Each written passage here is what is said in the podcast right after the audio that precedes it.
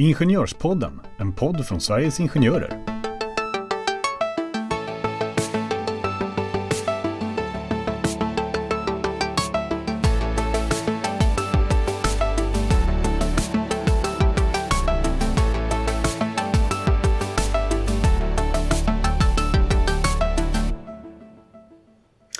Trots att vi befinner oss mitt i avtalsrörelsen har Ingenjörspodden fått hit en efterlängtad gäst. Idag ska vi här i Ingenjörspodden få reda på hur avtalsförhandlingarna går till och vilka yrkanden Sveriges ingenjörer har. Och hur påverkas våra lönekrav egentligen av inflationen? Vem är då den här gästen? Jo, ingen mindre än Daniel Falk, enhetschef för industrisektorn här på Sveriges Ingenjörer. Välkommen till Ingenjörspodden!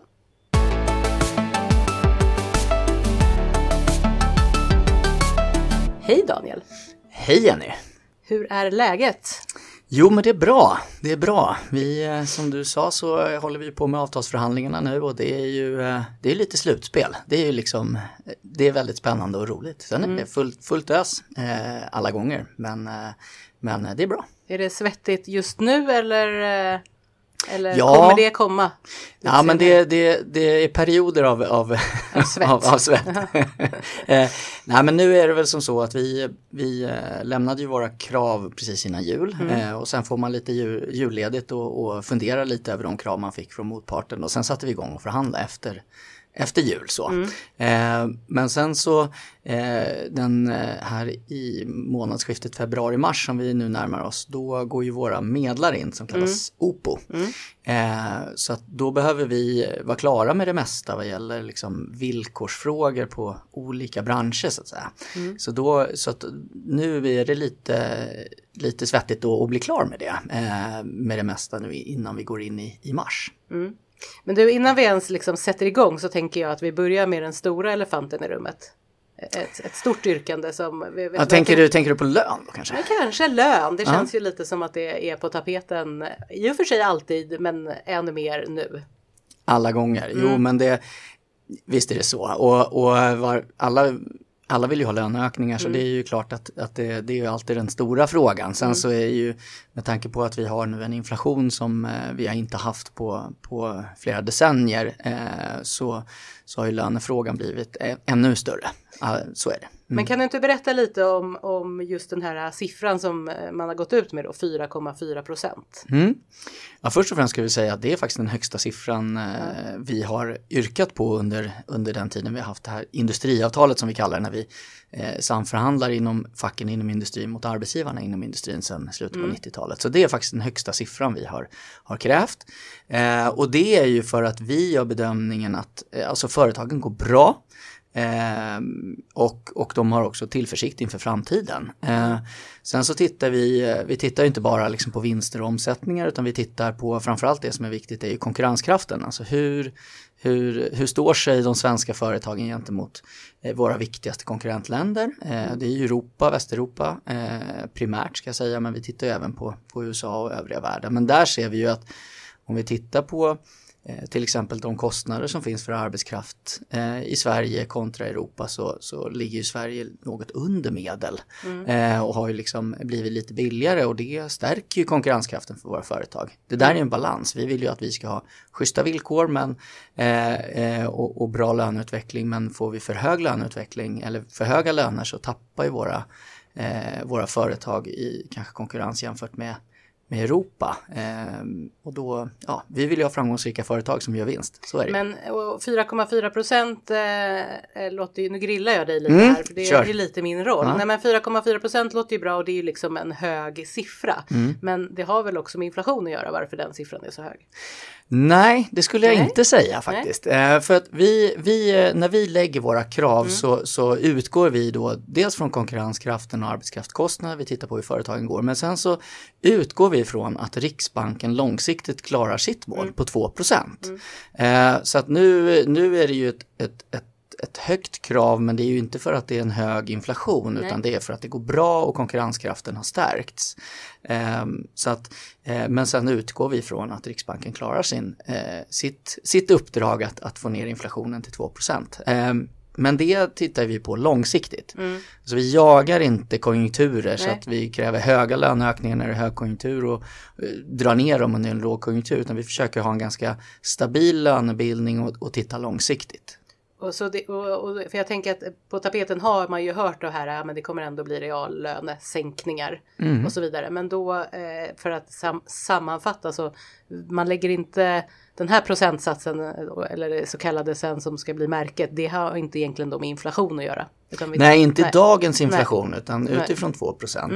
Mm. Eh, och där har vi, om man får göra en, en liksom, titta lite Mm. historiskt, så, så även om vi har, det är första gången vi har så här hög inflation Mm. under, eh, under industriavtalet så, så har vi ju haft den här situationen under 70, 70 och 80-talen, när vi under 70-talen hade flera liksom startade krig som påverkade energipriser eh, som gjorde att inflationen gick upp. Och då, det som hände då var att vi hade inte en särskilt ordnad lönebildning eh, då. Så då sprang man iväg lite. Så då, då ville man ha eh, och fick löneökningar som då blev högre än inflationen. Men det gjorde ju att sen inflationen blev ännu högre. Så att under en, ett par decennier där så hade vi ibland reallönesänkningar och, och över tid hade vi, hade vi ganska låga reallöneökningar. Eh, jämfört med vad vi har haft nu under industriavtalet. Så vi, lär, vi, vi, vi lärde oss då eh, och, och tar till oss det nu att vi tror att, eh, att om vi tänker långsiktigt så, så kommer vi tillbaks till reallöneökningar. Mm. Ehm, och det ska man, om man tittar på Europa, eh, för nu kommer det in lite så här, vad, vad får de i, Ja, men exakt i, att man hör att det är högre procent i Tyskland till exempel och, Ja. och så vidare. Eh, det, det går inte helt att jämföra dock, alltså eh, själva vad de kommer fram i de tyska avtalen, det ser annorlunda ut, de höjer sina tariffer men vi vet inte om det slår igenom lika mycket på, på de faktiska löneutbetalningarna. Sen har de såna här engångsutbetalningar som vi inte brukar ha här. Eh, Men det vi kan konstatera är ju ändå att under de senaste 25 åren innan den här, inflations, den här höga inflationen kom så, så hade ju vi drygt 60% i reallöneökningar under den tiden. Eh, Europa hade hälften så mycket. Så vi, vi, vi eh, har lite is i magen Mm, och vi tror tuffar vår- på helt vi, vi, vi Mm. fortsätter enligt våran, eh, det vi tror är bäst liksom långsiktigt. Mm. Mm. Alltså vi skulle kunna prata såklart, eh, det vet du, eh, hela, den här, hela det här poddavsnittet om just lön. Men jag tänker, ska vi hoppa vidare? Mm. Ja, ehm, jag tänker utöver lön då, vilka andra yrkanden har Sveriges Ingenjörer nu i den här avtalsrörelsen? Ja, nej men utöver lön så är arbetstidsfrågan är, är jätteviktig för våra medlemmar. Eh, å ena sidan så tycker de om flexibilitet, eh, men eh, å, eller å andra sidan så, eh, så vill man ju inte jobba för mycket. Men det har nog blivit som så att vi ser att, att ingenjörerna jobbar allt mer. Ehm, på ett sätt som, som gör att man eh, inte kanske mår så himla bra av det. Så att, att, att staga upp lite hur vi ser på arbetstiden eh, och, och det är ju en viktig fråga för våra medlemmar. Eh, och där kommer det anknyter ju till ett av våra andra eh, yrkanden om att vi vill ha en vägledning för distansarbete. För vi har ju sett att, jag menar, även innan så jobbar ju våra medlemmar på distans ibland men efter, liksom under pandemin och efter pandemin så är det ju här mycket mer vanligt förekommande. Och det uppskattar våra medlemmar och ha den flexibiliteten. Eh, samtidigt så, så gör det ju, eh, nu kan man ju som det, som det funkar idag, man kan, man kan jobba var som helst ifrån, när som helst. Eh, och våra medlemmar tycker om att jobba mycket. De är väldigt engagerade i sina jobb. Eh, men, men är också specialister i många, många gånger. Så att det kan ju vara som så att vissa sitter och jobbar mot USA i början på dagen, Europa i mitten på dagen och sen i slutet mot Asien. Eh, och då kan det bli väldigt mycket. Så att, ehm, och då, då kommer vi tillbaka till arbetstiden. Så det, vill vi väl, eh, det behöver man ha koll på och jobba med på företagen. Eh, men sen det här med distansarbete är som sagt var någonting positivt i, i stora delar. Det vi vill försäkra oss om är att Dels får vi mycket frågor om det som vi vill tillsammans med arbetsgivarna ha en, en gemensam vägledning eller handledning. Så att, för att hjälpa liksom både arbetsgivare och, och medlemmar. Eh, sen är vår ingång att man Arbetsgivarna har fortfarande ansvar för arbetsmiljön när jag jobbar på distans. Eh, det är ju viktigt att jag, även om jag jobbar till viss del på distans, så ska jag ha en arbetsplats att gå till om jag vill vara på jobbet. Eh, för det ser ganska olika ut, att vissa tycker det funkar jättebra att jobba hemifrån och under pandemin såg vi att det var, det var en hel del som, som inte mådde så bra av att jobba mycket hemifrån och, och framförallt om man är ny på, i arbetslivet eller på en arbetsplats så har man ett större behov av kollegor som man kan bolla med. Och så, så att, Ja, det här nätverkandet och kunskapsutbytet och erfarenhetsutbytet är ju svårt eh, på distans. Eller Ja. mycket svårare. Ja. Det sker ju ofta vid en kaffeautomat eller något annat ja, ställe. Ja, men det ser ju olika ut kanske om man har, om man har små barn och får den flexibiliteten att kunna jobba delad dag på distans och sådär så kan ju det underlätta alla gånger. Så det, det ser lite olika ut men då att vi tillsammans med arbetsgivarna kan hitta en bra vägledning för hur man, ska, hur man kan tillämpa det. Sen så blir det ju alltid ytterst hur funkar det på min arbetsplats beroende på vad jag jobbar med och vilken bransch jag är i. Ja men Daniel, förutom eh, distansarbete och arbetstid, vad eh, har eh, vi här på Sveriges Ingenjörer, vad har vi mer för yrkanden? Då? Ja men vi pratar ju om lön och då är det ju givetvis storleken men vi, den har vi redan pratat om. Men även hur, vi har, vi har ju löneavtal som liksom beskriver hur, hur liksom löneprocessen med lönesamtal och allting ska gå till. Och där, där tycker vi att vi har ganska bra löneavtal men de tillämpas inte riktigt ute på arbetsplatserna. Eh, vi tycker att det ska vara tydligare liksom, prestation, att det ska löna sig eh, och att vi liksom har en, en lokal lönebildning. Så går det bra för företagen då ska det också synas eh, lokalt. Eh, så där har vi eh, att, att liksom själva tillämpningen av löneavtalen eh, ska bli lite bättre. För där kan man väl också säga att eh, på många arbetsplatser så har man ju likalydande, eh, alltså kollektivavtalet är ju så att säga samma för tjänstemän då exempelvis. Men man kan ju ha olika löneavtal. Ja, och det har vi på de allra flesta. Exakt, och Ja. därför är det ju väldigt viktigt att tillämpa dem på korrekt sätt då. Ja, det blir lite att man gör lika för alla och det, så, så ser inte våra löneavtal Nej. ut riktigt. Så att där, det kan bli lite bättre. Eh, men där har vi en ganska bra samsyn med arbetsgivarna ändå. Så att, så att eh, det är mer att, att vi får ut det så att det faktiskt blir så också ute på företagen. Så dels apropå lön så blir det ju eh, den, den, eh, den, en annan stor fråga vi har är ju föräldralön. Eh, vi har ju då i princip alla avtal tror jag att man har sex månaders liksom, extra lön eller föräldralön när, om man går på föräldraledighet.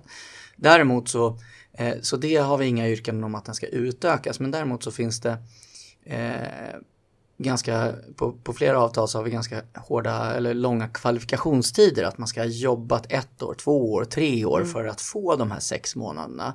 Och det tycker vi att, att eh, det hämmar liksom rörligheten på arbetsmarknaden och det, det är inte så här om, jag, om det är läge att byta jobb då ska, jag, då ska man inte stanna kvar för att ja, okej men nu kanske jag vill ha barn och då kommer inte jag få föräldralön. Så att vi tycker att den kvalifikationstiden ska, ska dras ner, eh, helst tas bort. Ehm, Eh, men sen så också att eh, vi skulle vilja ha en lite mer större flexibilitet vid uttag av föräldralön. För att det är inte ovanligt att ja, men jag går på föräldraledighet en period, sen kommer jag tillbaka och jobbar eh, och sen så tar jag ytterligare en period.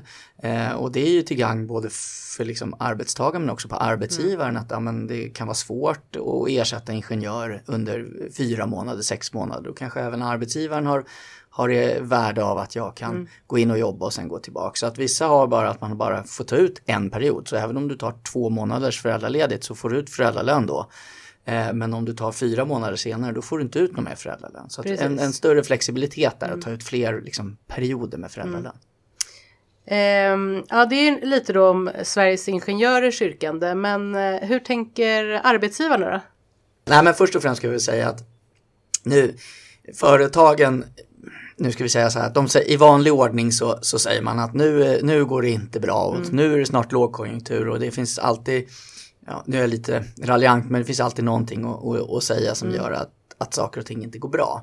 Ehm, det, det är väl deras roll. Ehm, någonting som är nytt ändå är ju att arbetsgivarna eh, för första gången under industriavtalet i varje fall kommer med ett eget bud. Ja. De gav ju faktiskt ett bud på 2 eh, och ett engångsbelopp på 3 000 kronor när vi lämnade yrkanden och det har de ju inte gjort Och förut. varför gjorde de det då? Gjorde de det för att eh, man ska veta att man ändå har ett liksom golv någonstans? Ja. Jag, jag tror att, det med tanke blir- på det läget vi är Ja. i eh, och det ändå man ser att vi har en, en hög sysselsättning, eh, låg, ändå förhållandevis eh, låg arbetslöshet, framförallt bland ingenjörer Mm. ska jag säga, den är ju under 1 procent. så, så hade det nog varit ganska tondövt att säga att nej men det går jättedåligt, 0% är vårt bud. Eh, så jag tycker ändå att det tyder på att mm. ja, men det går ganska bra för företagen. Mm. Sen ser det lite olika ut. Eh, men, men så att eh, de, de, har ju dels det eh, vad gäller löne, lönebiten. Mm. Eh, sen så vill ju de ha så mycket arbetstid som möjligt. Mm. Och hur går det ihop då med, vi, med våran, det här med som du sa i början att det är väldigt viktigt att arbetsgivarna har koll på så att ja, man arbetar för mycket. Ja, nej men det går ju inte riktigt nej. ihop. Eh, men å ena sidan så jag tror att det handlar mycket om att, att kanske arbetsgivarna behöver ha lite bättre koll på hur mycket folk jobbar. Mm. Eh, men att utöka liksom arbetstiden och sånt där, det blir, eh, det vill ju de göra och det, det sitter väl hårt in hos oss kan man mm. säga. Eh, så är det. Ja men Daniel, vad händer i förhandlingen just nu då? Hur går det? Ja, eh, jag kan inte säga några detaljer om förhandlingarna går, men det, det, det är ett eh, bra samtalsklimat. Det ska man väl säga ändå. Vi, eh, vi försöker eh, verkligen eh, förstå varandra. Alltså mm. varför, varför, varför vill vi ha de förändringarna vi kräver och varför vill arbetsgivarna ha det? Så, så att det, det är fortfarande att vi försöker förstå vad, vad den pro problematiken bakom yrkandena ligger mm. eh, och se om vi kan hitta, hitta liksom, eh, förändringar som, som vi båda, kan, eh, båda parter kan gå med på. Eh, men eh, så, att, så att där är vi nu, men nu förstår vi nog ganska mycket vad, vad, vad, vad, problemen är på varsin sida. Så nu börjar vi gå in i så här, vad, ska, vi, ska vi göra förändringar och eh, liksom, vad ska vi byta för någonting? Mm. Så där är vi nu, att vi, nu börjar det bli dags att, att, att bestämma sig där. Så där är vi, och då gäller det villkoren ska jag säga. Um, så där är, vi, där är vi nu. Sen exakt vad, vad som ligger på bordet det, det kan, eh, det kan jag Det får du säga när, när mikrofonen har stängts av här. Men vi kan väl mm. backa också lite till att, för du har inte nämnt det, men du kan väl lite nämna delegationsarbetet och hur det fungerar och vad de har för koppling nu till till avtalsrörelsen? Ja men jättebra. Jo men när vi, eh, vi har ju delegationer, alltså mm. förtroendevalda eh, som har blivit eh, faktiskt nominerade av medlemmar och, och valda av, av förbundsstyrelsen mm. för att mm. liksom representera våra olika avtalsområden. Så att det är faktiskt, de har en, det är de vi träffar. Vi, vi tjänstemän träffar arbetsgivarna mm. eh, och sen går vi hem igen och sen har vi långa möten och mm. många möten med våra mm. delegationer. Mm. Eh, för det är de som vet hur det faktiskt funkar ute lokalt. Ja. Mm. lokalt. Eh, så att det, och sen är det ytterst de som bestämmer om vi ska säga ja eller nej. Mm. Och det är eh. även de tillsammans med delegationerna vi formar de här yrkandena som vi pratat om. Ja, också. precis. Mm. Så att de började jobba redan efter, efter sommaren här. Så att det gjorde ju de under hösten. Då mm. bestämde vi vilka yrkanden vi skulle ha. Eh, och så lämnade vi över dem och nu bestämmer vi vad, de bestämmer vad, vad ska vi gå med på. Mm. Eh, så där är, det är mycket möten, eh, eh både fysiska vill säga, och, och digitalt nu. Eh, mm. Så att, så, att eh, så är det. Mm. Ja, men, vad händer då nu här mot, inte riktigt mot slutet än, men vad händer mm. om man bara säger nej? Kan man säga bara nej sådär rakt av? Nej, vi vill inte. Ja, det kan man ju göra. Mm. Eh, jag menar, då är det ju status quo mm. eh, helt enkelt vad gäller villkorsfrågorna. Eh, vi brukar ju göra förändringar men vi ser ju dem om, om vi tycker, bägge parter tycker att det är bra. Sen kan det också landa i en liksom lite mellanväg att vi, vi konstaterar att ja, men vi kanske mm, båda, ser, båda parter ser liksom att vi vill göra en del förändringar kring arbetstidsfrågorna men, mm. men kan inte riktigt komma fram. Då kan vi, då kan vi ju bilda en arbetsgrupp med, med liksom direktiv om att vi ska titta närmare mm. och behöva utreda för det är ju ändå en, en kortare period här mm. på ett par tre månader som vi, som vi förhandlar och då eh, ibland är det så pass svåra frågor så att vi behöver utreda mer och, och, och då kan vi bilda arbetsgrupper. Eh, men ytterst så, så kan vi säga nej och de kan ju säga nej. Eh, mm. Och då blir det inget avtal? Eh, jo, men det måste ju bli ett avtal. Måste det? Eh, ja, men det mm. måste ju bli ett avtal. Vi, till slut. Det går inte att gå till domstol. Det är inte de som bestämmer så ytterst ligger det i, i mm. vardera part. Så att, men det kan väl landa i att vi inte har några villkorsförändringar men lön. Eh, mm. lön någon typ av eh, lön behöver det bli. Mm. Eh, och eh, om vi liksom den sista mars inte är överens om det då kan vi ytterst faktiskt eh, strejka som det mm. heter. Eller rättare sagt, vi kan då varsla om konflikt. Mm. Eh, och då, då kan vi strejka mm. eh, och arbetsgivaren kan ju göra något som heter lockout så att de kan ju säga så här, ni får inte komma till jobbet och då får vi inte lön. Mm.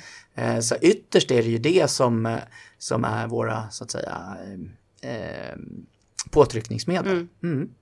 Men eh, det var ju lite sorgligt eh, avslut om vi ska avsluta med liksom ordet strejk så. Men, mm. men vad, vad, vad, vad, har du för framtidstro? Blir det bra här? här?